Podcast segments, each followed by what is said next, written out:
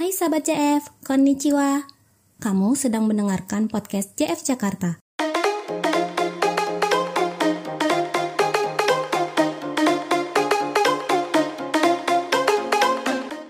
Japan Foundation atau lebih dikenal dengan JF adalah lembaga nirlaba milik pemerintah Jepang yang bergerak dalam bidang pertukaran budaya internasional. Di podcast ini, kamu akan mendengar obrolan tentang budaya Jepang dengan tema yang menarik, informatif, dan edukatif.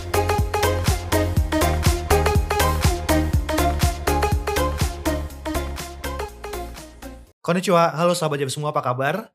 Uh, semoga sahabat Jaf sekalian selalu sehat dan tetap menyaksikan acara-acara dari Japan Version Jakarta. Kembali lagi dengan saya Adi dan selamat datang kembali di Japan Scope Podcast Jeff Jakarta, seri diskusi interaktif dengan santai yang membahas berbagai macam isu dan juga fenomena terkini tentang Jepang. Sahabat Jeff, sejak beberapa waktu yang lalu kemajuan teknologi digital berkembang pesat. Uh, berbagai macam produk-produk teknologi digital juga semakin bermunculan dan juga dikonsumsi. Nah, termasuk metaverse. Tapi apa sih sebenarnya metaverse itu dan apa saja kelebihan dan kekurangannya? Juga bagaimana kira-kira perkembangan metaverse di Jepang. Nah di episode kali ini kita akan secara khusus membahas tentang metaverse in Japan bersama Mas Hendy Reginald. Halo Mas. Halo, selamat pagi. Pagi. Oke, sebelum kita mulai Mas ya, aku bacakan dulu uh, apa namanya short bio dari Mas Hendy dulu ya. Iya. Jadi Mas Hendy ini saat ini bekerja sebagai dosen di Binus University dan per Januari 2023 sudah di Binus Aso School of Engineering. Beberapa penelitian yang, yang sedang diteliti saat ini lebih ke arah teknologi kejepangan seperti e-learning bahasa Jepang, kemudian emoji di era digital communication, remake dan remaster di game-game Jepang juga yang terbaru kesiapan masyarakat Jepang terhadap era multiverse. Jadi ini pas banget dengan apa yang kita bahas kali ini ya kan Mas? Iya benar banget nih lagi tren ya multiverse. Uh, Mas Andi, ini hmm. kita udah lama banget gak ketemu ya Mas ya? Udah, karena pandemi jadi lama gak ketemu ya. Oke, okay. uh, Mas langsung aja ya Mas ya. Kita uh, apa? Uh, sebelum kita membahas lebih jauh nih tentang metaverse dan segala macamnya, mungkin kita perlu kasih um, apa ya? Semacam groundwork gitu ya uh, supaya teman-teman sahabat JF juga lebih paham apa sih metaverse itu. Jadi sebetulnya apa sih Mas konsep metaverse ini tuh?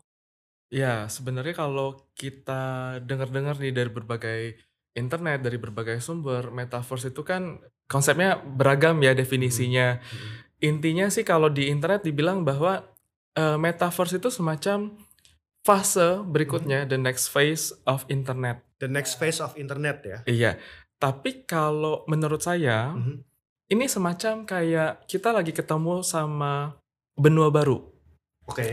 Iya, kalau dulu kan benua Amerika diketemuin Betul. masih kosong tuh. Betul. Nah, terus mulai dibangun tuh mm -hmm. uh, apa? bangunan, mm. segala macam infrastruktur. Nah, ini juga sama. Mm. Metaverse ini ibaratnya kita baru aja menemukan benua baru, lahan baru, hmm. tapi masih kosong. Hmm. Nah, gimana caranya supaya metaverse ini, dunia baru ini atau benua baru ini bisa ditinggalin, bisa berguna, dan juga bisa menjadi daya tarik sendiri. Hmm. Gitu. Jadi gimana mas caranya supaya itu bisa menjadi daya tarik sendiri? Nah tentunya uh, kita harus pelajarin dulu si metaverse itu apa. Ya, ya.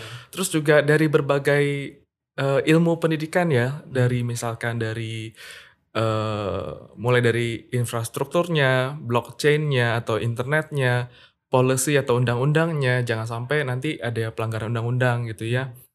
Uh, sama dari sisi macam-macam lah ya, bisa dari education, hospitality juga bisa, tata krama, hospital tourism segala macam juga bisa di uh, ditilik gitu. Hmm.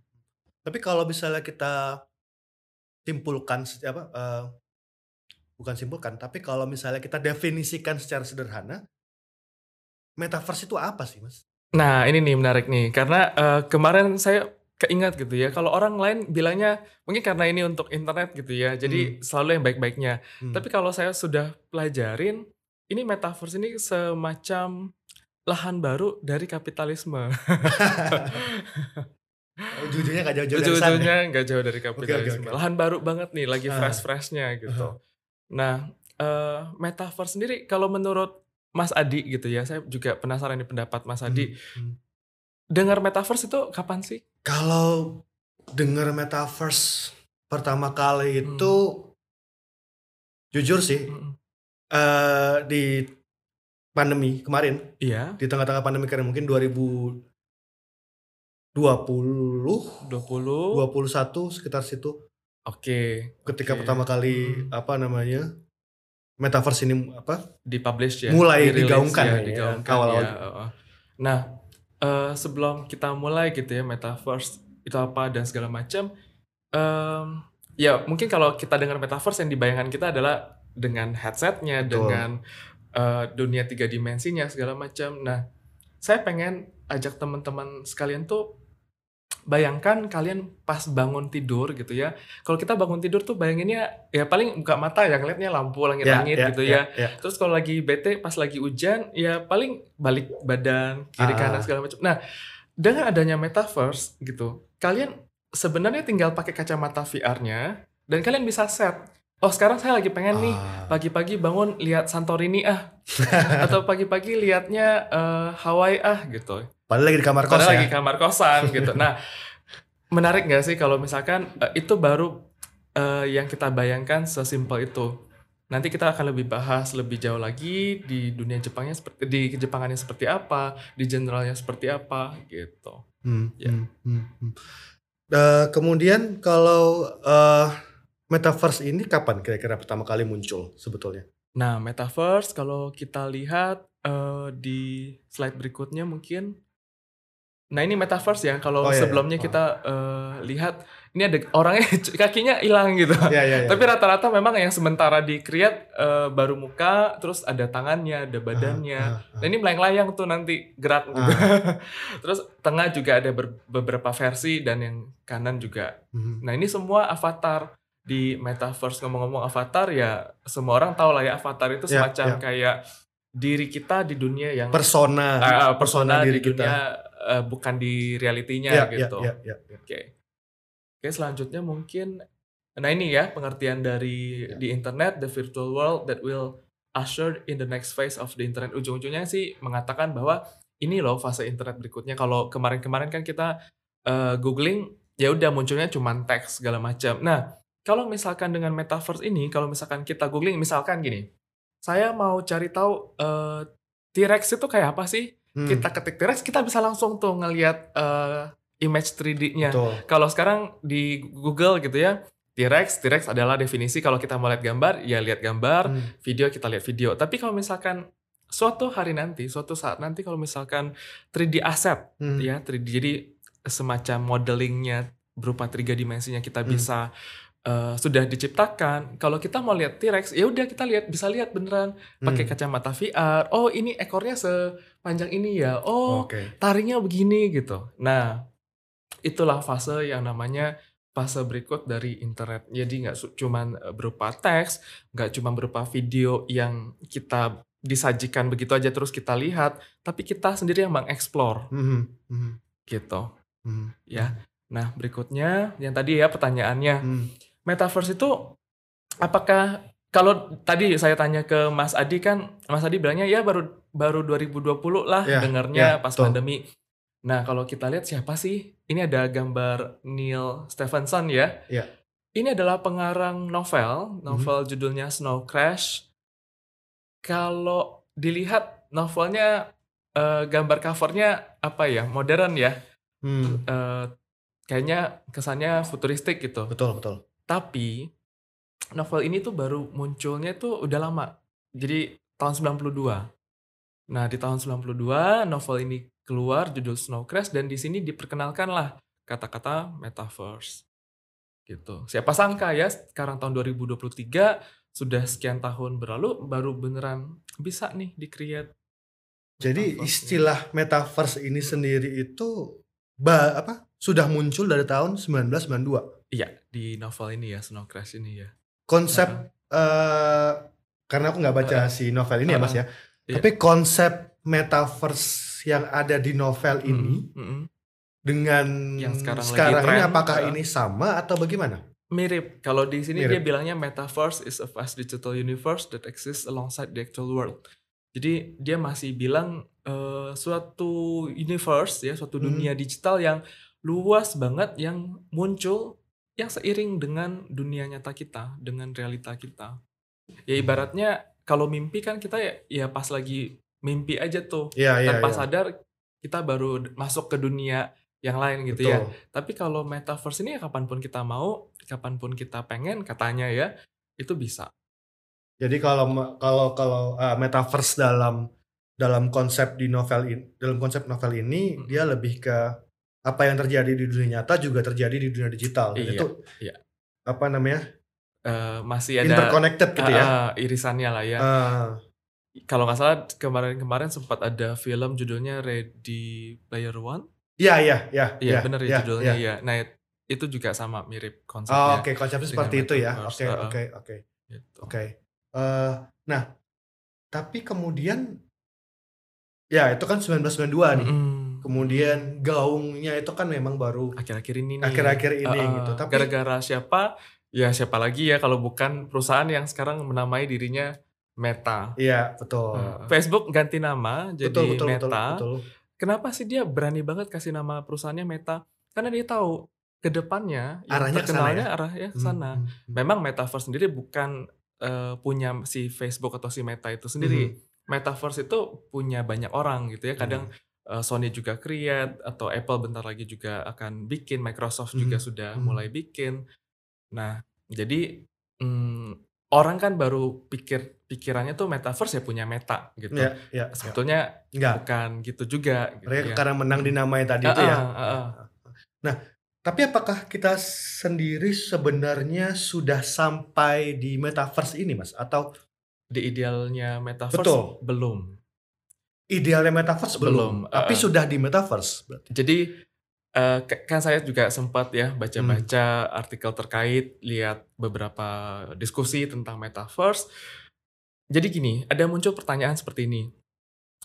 Uh, kalau metaverse ini muncul dan ternyata ujung-ujungnya ada suatu kesalahan, kendala segala macam, gimana nih penanggulangannya gitu. Hmm. Nah, justru ini dibalik. Kalau dulu di zaman internet, internet muncul duluan tanpa orang sadar, terjadi kendala kendala-kendala internet, hmm baru orang cari uh, perbaikannya. Betul. Tapi metaverse ini sebenarnya ibaratnya kita baru beli DP tanah rumah. Oke. Okay. Jadi kita baru, oke okay, saya tahu tuh ada rumah saya bentar lagi ada nih daerah A. Uh. Tapi saya bisa tinggal nggak? Belum Hmm. Nanti dulu gitu ya. Kalau mau tinggal ya bisa lah, cuman infrastrukturnya belum lengkap. Ibaratnya kalau kita sudah maksa nih tinggal gitu ya. Kalau kita mau ke supermarket ya agak kesendat-sendat gitu, hmm. belum ada juga. Ada tapi nggak ada misalkan gitu ya. Mungkin ada tapi bahasanya bukan bahasa Indonesia misalkan. Hmm. Jadi metaverse yang sekarang kalau Mas Adi tanya ada nggak sih? Ada sih ada, hmm. tapi belum ready banget. Nah, tadi yang saya hmm. bilang kenapa internet duluan muncul, kendalanya baru belakangan baru kita kasih uh, apa ya semacam Solusi solusinya. Nah, ya, kalau ya. metaverse ini kenapa sih nama metaverse ini digaungkan dulu, tapi wujud aslinya yang real idealnya belum ada. Justru karena itu kita perbincangkan sekarang, hmm. kita cari tahu kendala eh, kendala-kendala yang akan muncul seperti apa, supaya kita cari tahu solusi yang nanti akan terjadi itu apa. Okay. Jadi mitigasi dulu nih. Jadi intinya masih test drive lah ya. Mm -mm, test drive. Oke. Okay. Mm. Oke. Okay.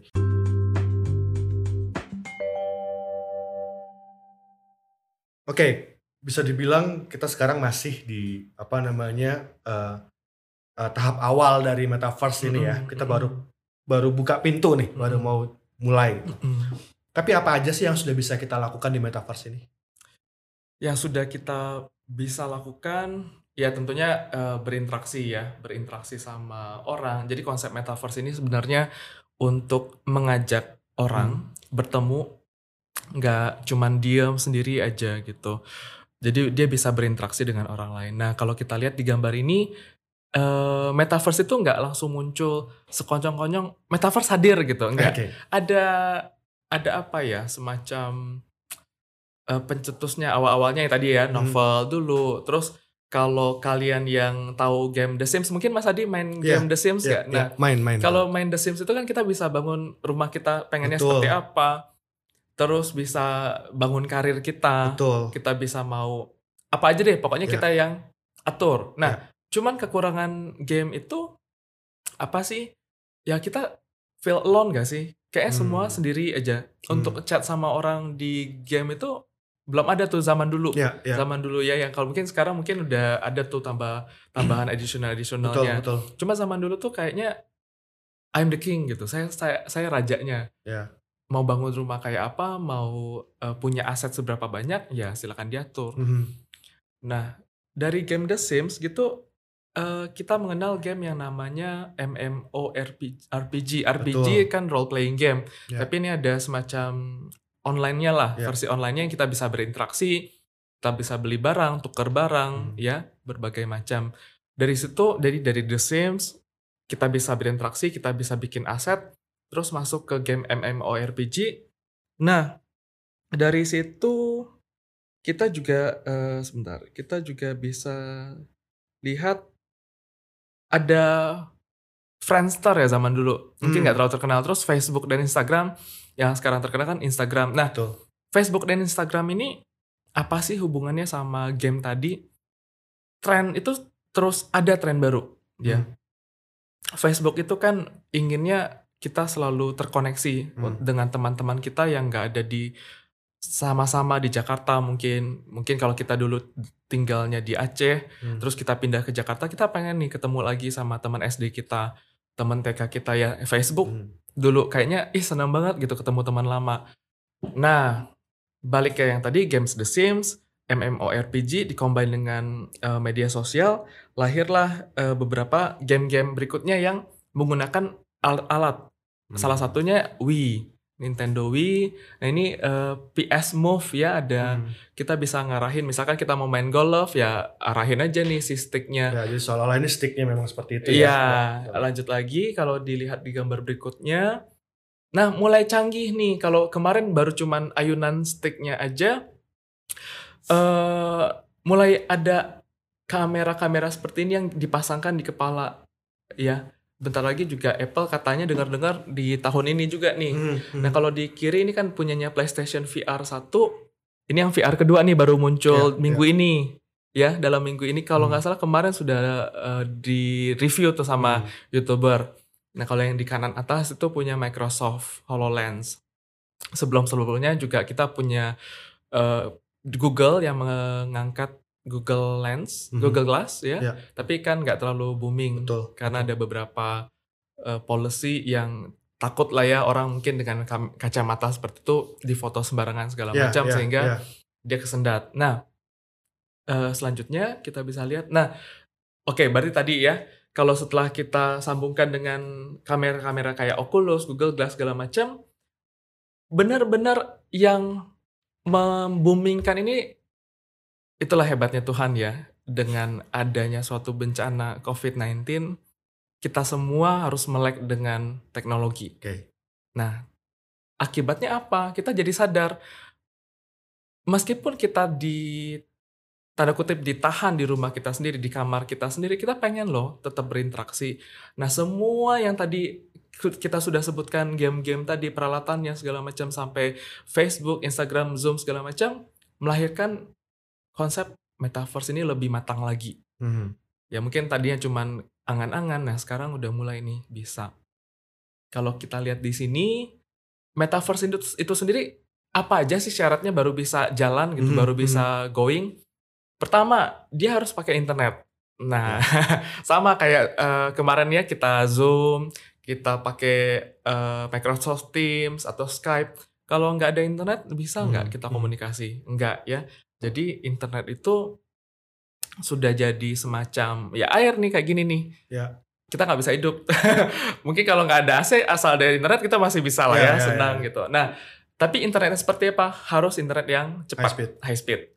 Kedua peralatannya. Kalau peralatannya nggak ada ya bisa sih, cuman hmm, kurang komplit aja rasanya. Ya, ya. Terus eh, kita harus punya teman. Kalau kita cuma sendiri ya balik lagi kayak game tadi, ya game sebelumnya yang kita sebut tadi. Sendiri aja kita mau ngapain gitu kan? Kan konsep metaverse ini berinteraksi. Nah, kalau sudah ada itu, ini pelengkap-pelengkapnya nih yang di bawah ada Bitcoin ya, ada Hmm. mata uangnya. Jadi kita bisa jualan di di metaverse. Tadi kan Mas Adi tanya "Ap- kita Ya. bisa apa aja sih? Betul, betul. Selain bisa berinteraksi ya tentu orang-orang yang tadi saya bilang juga kapitalisme ya melihat ini peluang. Dia bisa jualan, dia bisa pameran, dia Mhm. bisa bikin suatu event, ya. Nah, aset-aset seperti itu juga diciptakan. Jadi ini Bitcoin, ini aset. Jadi kadang ada yang mulai mulai bangun kalau misalkan kamu bangun rumah di platform ini kena charge biayanya sekian. Kalau kamu mau tampilkan pengumuman ini di sistem platform ini, ya kamu akan kena charge sekian Iya, iya, gitu. iya, Jadi iya. ada aset-asetnya nih. Dan yang paling terkenal kemarin adalah NFT, Hmm, di mana satu karya yang diciptakan diklaim eh, IP-nya ya international iya. properties-nya dan tersambung ke internet. Ini semualah yang akan menjadi dunia baru kita Hmm, di fase berikutnya. Oke.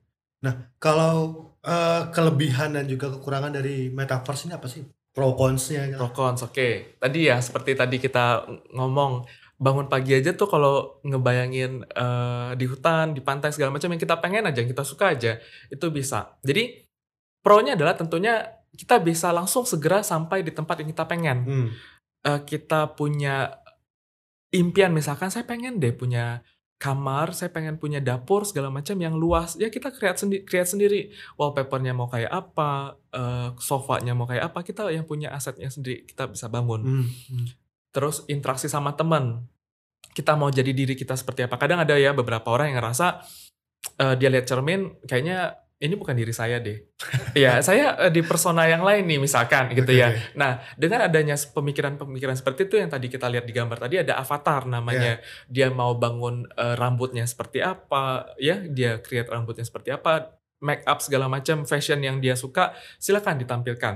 Hmm. Jadi yang pertama tadi kita bisa punya fasilitas yang kita inginkan. Yang kedua, kita bisa berinteraksi dengan orang yang jauh di luar sana. Ketiga, kita bisa menjadi seseorang atau pribadi yang kita inginkan. Hmm. Iya, memang eh, itu sebagai sarana lah, Ya, nggak bisa sepenuhnya. Terus bagi orang-orang yang ekonomi ekonomi rendah, mungkin suatu saat bisa punya eh, fasilitas di metaverse, ya dia akan senang. Kayak eh, saya pernah dengar ya teman saya bilang kalau di Hong Kong itu kan kamarnya kecil banget tuh. ya. Nah itu akan kapan sih dia punya ruangan segede di Oke. metaverse? Nah itu bisa memberikan harapan-harapan baru. Tapi nggak cuman harapan baru ya, kontranya juga ada. Kalau kita lihat tadi eh, masih perlu dibangun undang-undang. Hmm. Undang-undang jangan sampai ada data-data pribadi kita diambil, dicuri. Iya, nah gimana iya. tuh untuk eh, ngebangun sebuah data yang data pribadi kita masih aman? Hmm. dan kebiasaan kita. Karena gini, misalkan di game itu kita senang hmm, apa ya dengan suatu makanan tertentu lah kita sering eh, comot makanan di game tertentu. Oke. Itu sebenarnya pattern polanya itu bisa ditangkap tuh sama si e-commerce. Oh, Oh, ternyata si misalkan Mas Adi setiap eh, pagi avatarnya bangun ambil cake. Oh, ternyata ini orang seneng ya. Oh, berarti next time saya kasih iklan-iklan yang kayak gitu ah, Oke, oke. gitu. oke. Atau fashionnya misalkan. Ya, ya. Oh, dia seneng nih karakternya fashionnya begini. Nah, Ah, yang kayak gitu tuh kadang ada lah ya beberapa orang masih ngerasa insecure. Ada juga yang Mhm. ngerasa it's fine gitu ya silakan, ya, ya, silakan ya, ya. gitu. Nah terus kontranya tentunya anak-anak yang mungkin eh, di bawah umur segala Mhm. macam akses-akses tertentu di sana percakapan segala macam atau video-video yang ditonton di metaverse itu belum ada tuh yang dampingin Filternya untuk Filternya. apa? Ya, ya. ya. Terus kalau kita lihat nih, eh, mungkin back dulu sebelumnya. Nah, kalau lihat, udah pernah lihat beneran belum sih kacamatanya? Iya, udah pernah ya? Udah, udah pernah coba juga. Udah pernah coba juga Iya. ya? Eh, berat nggak sih? Itu dia. berat ya? Berat. Berat. Apalagi kalau pakai kacamata itu kan jadi nggak nyaman. Iya, nggak nyaman. Kalau nggak pakai kacamata nggak jelas, tapi kalau pakai kacamata nggak nyaman. nggak nyaman, betul. Benar. Terus kalau misalkan kita kalau nonton TV, ya udah enak ya mau mm, ke kiri, ke kanan Yes. segala macam enak. Nah, si ini sayangnya karena masih tebal, Iya, besar, iya. ya ada beberapa orang nggak nyaman. Mhm. Dan kontranya karena masih bergantung dengan baterai, internet, dan masih ada kabelnya nih. Mhm. Nah ini eh, kalau sebagian reviewer di youtuber, YouTube gitu ya juga bilang kabelnya ganggu. Hmm. Ya, misalkan dia masih pakai kacamata, terus dia jalan-jalan, lari segala macam, kadang Ketarik kabelnya. ketarik. Nah itu kontra-kontra yang sementara masih ada, gitu mas. Hmm, Mm-mm. hmm, hmm,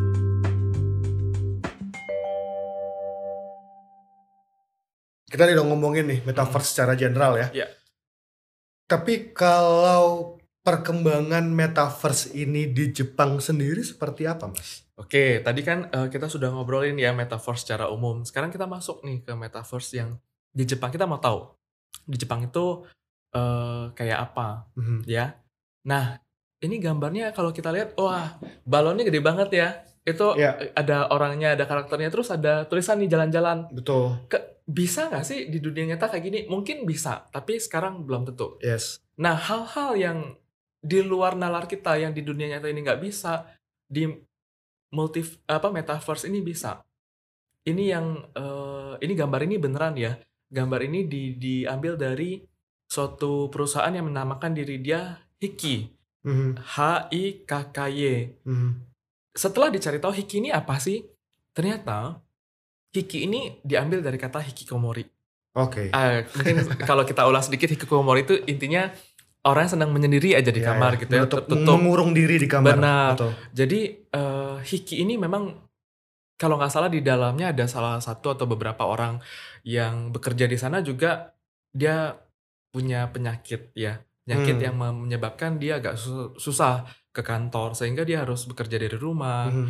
terus juga susah lah eh, ke mana-mana gitu dan dia senang bekerja di sini Mhm. dia mendirikan perusahaan bukan mendirikan jadi dia bekerja di sini nah ini salah satu eh, gambar yang saya ambil dari namanya virtual market eventnya Mhm. namanya virtual market jadi event virtual market ini memberikan kesempatan bagi orang-orang Jepang untuk datang lihat pameran-pameran apa aja Hmm. fasilitas-fasilitas eh, pameran exhibition lagu video iklan apa pun deh pokoknya di Mhm. sini tapi dengan tampilan yang sangat-sangat apa ya sangat nggak biasa gitu Hmm. kadang bisa jalannya sambil miring sambil terbang ke langit nah kalau kita kan belum tentu tuh jalan ya lurus lurus aja Iya, gitu Ta- iya. tapi kalau misalkan kita pakai avatar kita kita bisa tuh sampai ke atas atas segala macam bahkan eh, kita lagi ikut pameran tentang eh, sesuatu yang berbau laut nanti dia akan ajak kita di laut entah menyelam di lautnya kan entah apa jadi kita jadi dapat feel Hmm. Virtual reality-nya Hmm. nah Hmm. tadi ya virtual market. Terus berikutnya kalau tadi kan baru pameran pameran virtual reality nih. Coba berikutnya nah ini kalau Mas Adi lihat ini salah satu universitas di Jepang, University of Tokyo. Hmm. University of Tokyo ini di bulan Oktober 2022 lalu mendirikan suatu school ya, suatu program. Mhm. Program yang langsung aja dia tembak nama programnya Metaverse. Oh. Sudah sejauh itu ya penetrasi apa namanya? Ya, ah, baru mulai nih. Metaverse ke Mm-mm, dunia. tapi kaget Jepang. kan maksudnya oh Hmm. belum jadi barangnya tapi udah langsung uh, Hmm. diajarkan metaverse Hmm. ibaratnya kalau kagetnya saya nih ibaratnya kayak anak SD dapat dapat mata pelajaran metaverse gitu loh Ya ya ya. kayak ih gila keren banget ya nah eh, ini jadi dia bukan jurusan yang mendapatkan gelar bukan jadi metaverse ini diajarkan untuk eh, beberapa pangsa pasar Oh, tapi bukan bukan bergelar ya ini. bukan jadi dia Oh, oke, di bawah eh, naungan Faculty of Engineering Aha. Ya, jadi eh, sebentar saya coba cek lagi. Ya, dia eh, di bawah School of Engineering. School of Engineering. Mm-mm. Jadi benar-benar di create untuk siapa? Bukan hanya untuk mahasiswa. Kalau kita pikir kan, ah kampus pasti untuk mahasiswa Ya, deh. ya, ya, ya. Mana bisa sih orang luar masuk gitu kan? Betul, betul. Nah, yang bikin kagetnya lagi selain nama ma- mata pro, kan selain programnya namanya Metaverse, terus di Oktober 2022 udah launching, yang jadi pesertanya yang dibolehkan adalah anak SMP dan SMA. Oke. Jadi dari SMP SMA dia bisa nih ikut pelajaran Metaverse. berarti ini untuk eh, sebenarnya untuk umum gitu atau Iya, dia buka untuk Oh, oke, oke, oke, umum. oke. Dia eh, kenapa sih SMP sampai SMA supaya dia membuka cakrawala SMP SMA Metaverse tuh kayak apa sih Hmm. gitu. Hmm. Terus juga dia mengencourage eh ternyata di mana-mana sama ya kalau saya sekarang kan kerja di bagian engineering juga ngerasa kok eh, cewek di dunia engineering itu dikit. Ternyata Hmm. di Jepang juga sama. Saya teman-teman juga eh, sama gitu. Wanita itu masih kurang banyak. Hmm. Dia mengencourage untuk eh, ayo engineering itu bisa loh Hmm. untuk usia apa pun, gender apa pun sehingga dia memperkenalkan ke anak SMP dan SMA bahwa engineering itu nggak terbatas cuman untuk cowok aja Hmm. gitu. Hmm. Nah, nggak sampai situ aja saya kagetnya. dia mengajarkan ke orang sampai yang senior. Jadi sampai yang sudah bekerja. Oh, Oke. Jadi misalkan nih engineering-engineering yang sudah lulus kuliah, terus dia mau nimba ilmunya lagi, Hmm. dia bisa ikut di situ belajar. Ya, dia bisa ikut Jadi belajar. jatuhnya lebih seperti kursus gitu. Eh, Atau ya, ya cukup- mungkin kalau kalau kita nganggapnya gitu ya. Hmm. Tapi kalau saya baca apa sih fungsinya gitu? Saya nggak nggak tahu tuh istilah di mereka apa. ya, ya, ya. Apakah juku atau eh, mata kuliah atau segala macam. Mhm. Yang pasti nanti setelah ikut pelajaran ini eh, mereka akan dapat sertifikat. Oh, Oke. Entah entah mereka mengga- me- me- membuat program sertifikasi atau segala Hmm, macam. hmm, Mungkin saya akan coba cek lagi lebih hmm, lanjut. hmm, hmm. Yang pasti tadi kenapa ya orang eh, sudah lulus kuliah juga diajak karena reskill. Tujuannya reskill, Oke. reskilling. Menarik ya. Eh, eh, Jadi pengen ikut saya. Nah, benar. Eh, ibaratnya kita yang sudah lulus kuliah aja, Iya, iya, iya. kalau kita nggak nambah ilmu, kita ketinggalan loh. Iya, iya, iya. Ya. Eh, Apalagi ini, ini yang the next thing kan? The Iya, next big thing gitu. Betul. Kita masuk taruhlah orang kerja kerja dari jam 9 sampai jam 5. Mhm. Pulang rumah kadang kita masih ngurusin kerjaan, benar Betul, nggak? betul. Nah, untuk menimba ilmu baru lagi sampai sedalam itu, se-immerse itu kita kurang. betul. Nah, si University of Tokyo ini ingin merangkul orang-orang Hmm. seperti itu untuk, ayo kamu harus belajar lagi. Mhm. Kalau kamu nggak belajar lagi, kamu kalau loh sama orang di luar Ya, sana, ya, di luar ya, negeri ya. sana gitu. Itu ya, dari sisi pendidikan tadi sudah, dari sisi commerce juga sudah, dan ada dari perusahaan rekrutmen. Hmm. Rekrutmen, jadi dia me- menggelar eh, wawancara kerja dengan cara recruiting dari overseas menggunakan si metaverse. Jadi anonymous tuh. Dia benar-benar fokus dengan cara jawabnya, eh terus juga orang luar negeri nggak nggak harus datang gitu kan. Nah mungkin dia bisa lihat tuh penampilan avatarnya yang dia create seperti apa sih. Berarti bukan bukan sorry aku potong mas. Berarti bukan kayak pakai zoom atau apa, tapi malah pakai metaverse ini. Iya, iya. Dengan dengan tampilan avatarnya dia di metaverse itu. Betul, betul. Oh menarik. Ah, dan yang terakhir eh, saya juga tadi juga nyari-nyari lagi di tiga bulan terakhir, eh empat bulan terakhir ya, Uh-huh. berarti di Oktober juga masih itu ada salah satu universitas atau sekolah gitu di Jepang, saya lupa tadi di ya di, Fukuoka kalau nggak salah. Mhm. Dia mengajarkan matematika lewat kelas di metaverse. Nah kalau di Zoom kan eh, saya juga pengajar gitu ya Iya iya. anaknya matiin layar lah, kita nggak tahu dia Yes. eh, berinteraksi atau enggak. Kita cuma mengandalkan dia nyalain kamera atau dia Bersuara. bersuara, Iya. selesai.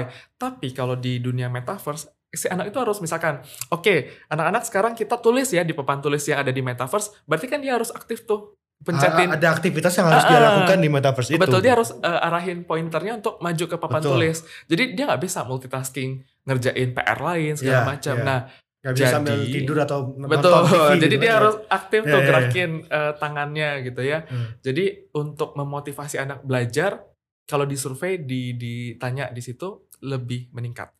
So eh, kita dosen-dosen, kita pengajar, kita udah harus melek nih. Kita harus Hmm. catch up dengan metaverse. Sistem ini. Ah, ah. Jangan-jangan JF juga abis ini harus bikin program di metaverse juga. Nah, misalkan JF eh, bikin, saya pengen deh JF itu punya satu studio green screen Heeh. eh di mana kalau anak-anak masuk dia akan langsung melihat oh, Oh, ini lagi di Channel Jepang You. nih. oh Ya. ini lagi Ya, ya, ya. lagi di Jepang di stasiun mana jadi Iya, iya. kalau misalkan nggak usah di JF juga di di mana pun lah ya Heeh, heeh. misalkan saya saya mau belajar Jepang terkait dengan cara beli tiket atau yang paling mudah deh mau pakai Jido Hambaiki Oh, Nah. ya. nggak mungkin ya Jido Hambaikinya kita taruh di sini cuma untuk belajar Betul, betul. ya udah pakai aja sih kita scan gitu kita scan 3D asetnya Heeh, taruh di sini mereka pakai kacamatanya nggak usah banyak-banyak satu aja heeh. kita ngajarin eh, nanti pencet ini ini dan ini ya kalau ada dengar suara ini kamu pencet yang ini nanti sampai Ah. keluar berarti kamu berhasil Ah, dapat skor gantian berikutnya gitu Aha, aha. nah dunia pendidikan harapannya seperti itu ke depannya Mhm, mhm. Menarik juga ya. Mm-mm. Tapi saya saya nggak nyangka loh kalau penetrasi metaverse di Jepang sudah sampai sejauh itu. Iya, sudah sampai Apalagi sejauh sampai itu. ya, ya, ya. Selain itu ada lagi mas? Sejauh Ada eh, fashion show. Oke. Eh pastilah ya fashion show. Iya, eh, iya. Mereka dengan eh, berbagai fashion yang ada di sana. Mhm. Tadi rekrutmen sudah. Nah ini eh penyandang kebutuhan khusus. Kadang ada anak-anak atau yang penyandang imobilitas. Jadi dia Yes. nggak bisa ke mana-mana. Mhm. Dengan memberikan metaverse itu memberikan harapan yang sangat besar bagi mereka untuk bisa berkeliling dunia, Hmm. berkeliling ke dunia impian yang dia pengen Hmm. jalankan dan dia bisa bekerja di situ. Hmm. Dia bisa jadi teller bank, dia bisa jadi apa pun lah di metaverse itu. Jadi itu memberikan suatu harapan baru, ya, Eh, memberikan lapangan kerja baru juga. Hmm. Jadi untuk hikikomori juga sama. Jadi ada anak-anak di Jepang itu yang hikikomori, dia nggak mau jalan keluar, Mhm. takut dijudge, judge, dijudge sama teman-temannya. Nah pelan-pelan di terapi dengan metaverse ini dia diajak berinteraksi pakai karakter, pakai Hmm. avatar. Kalau dia sudah mulai pede, berinteraksi segala macam, pelan-pelan di diajak kumpul bareng-bareng temannya yang lain yang me- menggunakan metaverse itu juga, Mhm. Udah dilatih di situ. Jadi semacam di terapi. Jadi pelan-pelan ya dari dari dari dunia digital kemudian beralih berangsur-angsur pelan-pelan ke dunia, ke dunia nyata. nyata, ya. Oke. heeh. Nah, kenapa sih muncul eh, hikikomori itu ya dia nggak pengen dijudge sih sebenarnya kalau yang saya lihat tadi di berita. Hmm. Sementara sih eh, baru itu Mas Adi, Hmm. kenapa cuman baru segitu? Ya tadi Karena masih tantangannya apa? Iya, Ya, kalau di saya awal ya. boleh eh, kasih tahu tantangannya pertama undang-undang keuangan masih belum ada nih. Misalkan kita lagi ber apa ya? Ada transaksi misalkan eh, mau beli baju Mhm. fashion. Tapi siapa sih yang memberikan potongan pajak? Potongan pajak negara mana nih? Ya, ya, negara ya, ya. mul- metaverse gitu Karena kan? sudah melampaui batas ba- negara. Nah, itu yang yang yang kan. harus dibikin tuh policies-nya. Dan menariknya di Jepang di tahun 2022 ya, Japan's Prime Minister Fumio Kishida itu Mhm. eh, menggelontorkan dana di METI ya, METI itu Ministry of Economy, Trade and Industry itu untuk eh, bikin semacam panitia khusus untuk membuat undang-undang khusus metaverse. Jadi polisi-polisinya kayak apa sih? Jangan Oke. sampai dia asal eh, masuk rumah orang di Iya, iya, iya, metaverse betul, itu betul, gitu betul, kan. Terus eh, kita juga kenal namanya Web 3.0. Yes. Nah kayak gitu diatur sama undang-undang. Jadi Jepang dari sisi eh, perdana menterinya juga udah mulai gerak. Nah Tapi ini masih rancangan ya, belum belum belum belum ketok palu kan? belum Masih- Ba- masih dalam rancangan eh, ya? masih mempelajari. Masih dalam proses ya. Ya, Iya. ya. Terus kendalanya internet lah ya tadi ya Ya, harus cepat. Terus eh, spesialis masing-masing bidang metaverse. Nah tadi kalau kita lihat eh, boleh kembali ke slide paling pertama sekali. Coba kita lihat.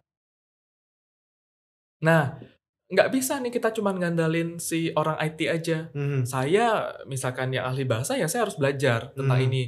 Orang ahli fashion harus belajar juga. Hmm. Semua kita harus belajar metaverse nanti. Ya. Nah, kalau kita lihat di sini segmen yang paling eh, tinggi ya kalau grafiknya abu-abu itu pertama dia yang benar-benar ya. bisa langsung diterapkan dan menyasar banyak pasar e-commerce Mhm. ya. Kedua ke gaming, Oke. yang ketiga terakhir itu di eh, health and fitness. Oh malah health and fitness ya? Eh, iya, Yang ketiga. ternyata health and fitness. Jadi misalkan kalau kita kan eh, ada ya beberapa aplikasi kalau kita tahu waktu pas di pandemi kita nggak bisa ke mana-mana, kita mau cek Betul. dokter, ada tuh aplikasinya di Indonesia. Oh, betul, Kita betul, bisa betul, chat. betul, betul. Nah, tapi kalau chat doang atau eh, cuman zoom doang, kayaknya kurang nyaman ternyata. Yes. Ada yang bisa dikembangkan lagi ya itu dengan metaverse. Misalkan nanti di kayak kayak eh, smartwatch sekarang kan bisa Mhm. mengukur tuh detak jantung. Nah Bisa mengukur dan mungkin merekam juga ya. iya merekam temperatur, suhu, eh, kadar oksigen segala macam. Siapa tahu ke depannya Sony juga lagi sudah keluarin kemarin Mi Copy namanya.